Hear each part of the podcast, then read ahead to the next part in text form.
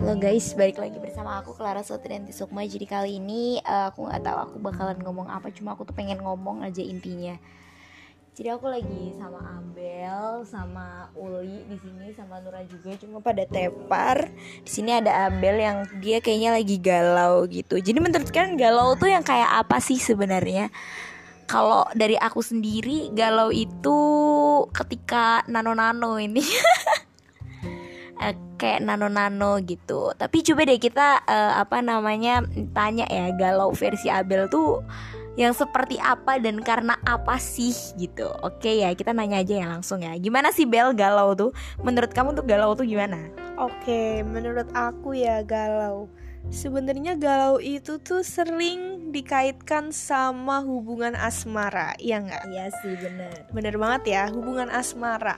Tapi sebenarnya kalau dipikir-pikir tuh sebenarnya galau itu nggak cuma karena hubungan percintaan atau karena masalah hati ke hati. Ya emang masalah hati sih ini. Cuman kalau aku mungkin galau tuh bisa aja kayak misalnya aduh aku tuh bingung antara mau milih barang yang A atau yang B ya lah itu juga dong bisa dibilang Ya, aku galau ah. banget nih mau Jadi- milih buku yang mana kayak gitu, guys Jadi galau tuh nggak cuma perihal asmara iya doang ya. dong jadi kita tuh harus berpikir yang lebih luas lah Nah, terus kalau lagi galau nih, Abel biasanya ngapain?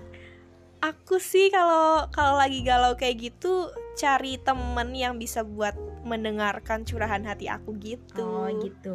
iya Jadi maksudnya eh, meningkatkan mood lah ya. Yes. Ketemu sama Ya, temen kita yang cari yang dia itu bisa mem- apa ya bisa menjadi support system mungkin bahasanya Oke, seperti support itu system ya. Eh, terus nih menurut Abel teman yang support system tuh yang gimana sih?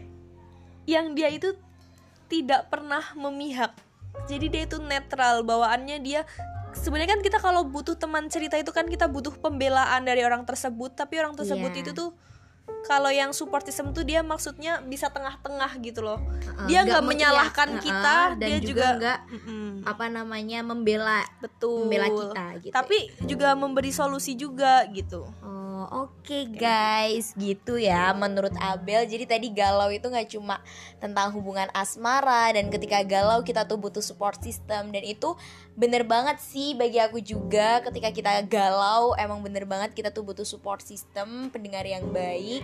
Pendengar yang baik itu bukan cuma eh, apa namanya dia yang mau ngedengerin cerita kita doang, tapi dia juga bisa ngasih solusi ke kita. Dan gak cuma semata-mata membela kita, tapi dia juga apa ya namanya eh, memberikan jalan keluar ke kita sebenarnya aku salah di mana dan aku harus apa. Gitu ya guys. Oke semoga minggu ini kalian gak galau-galau lagi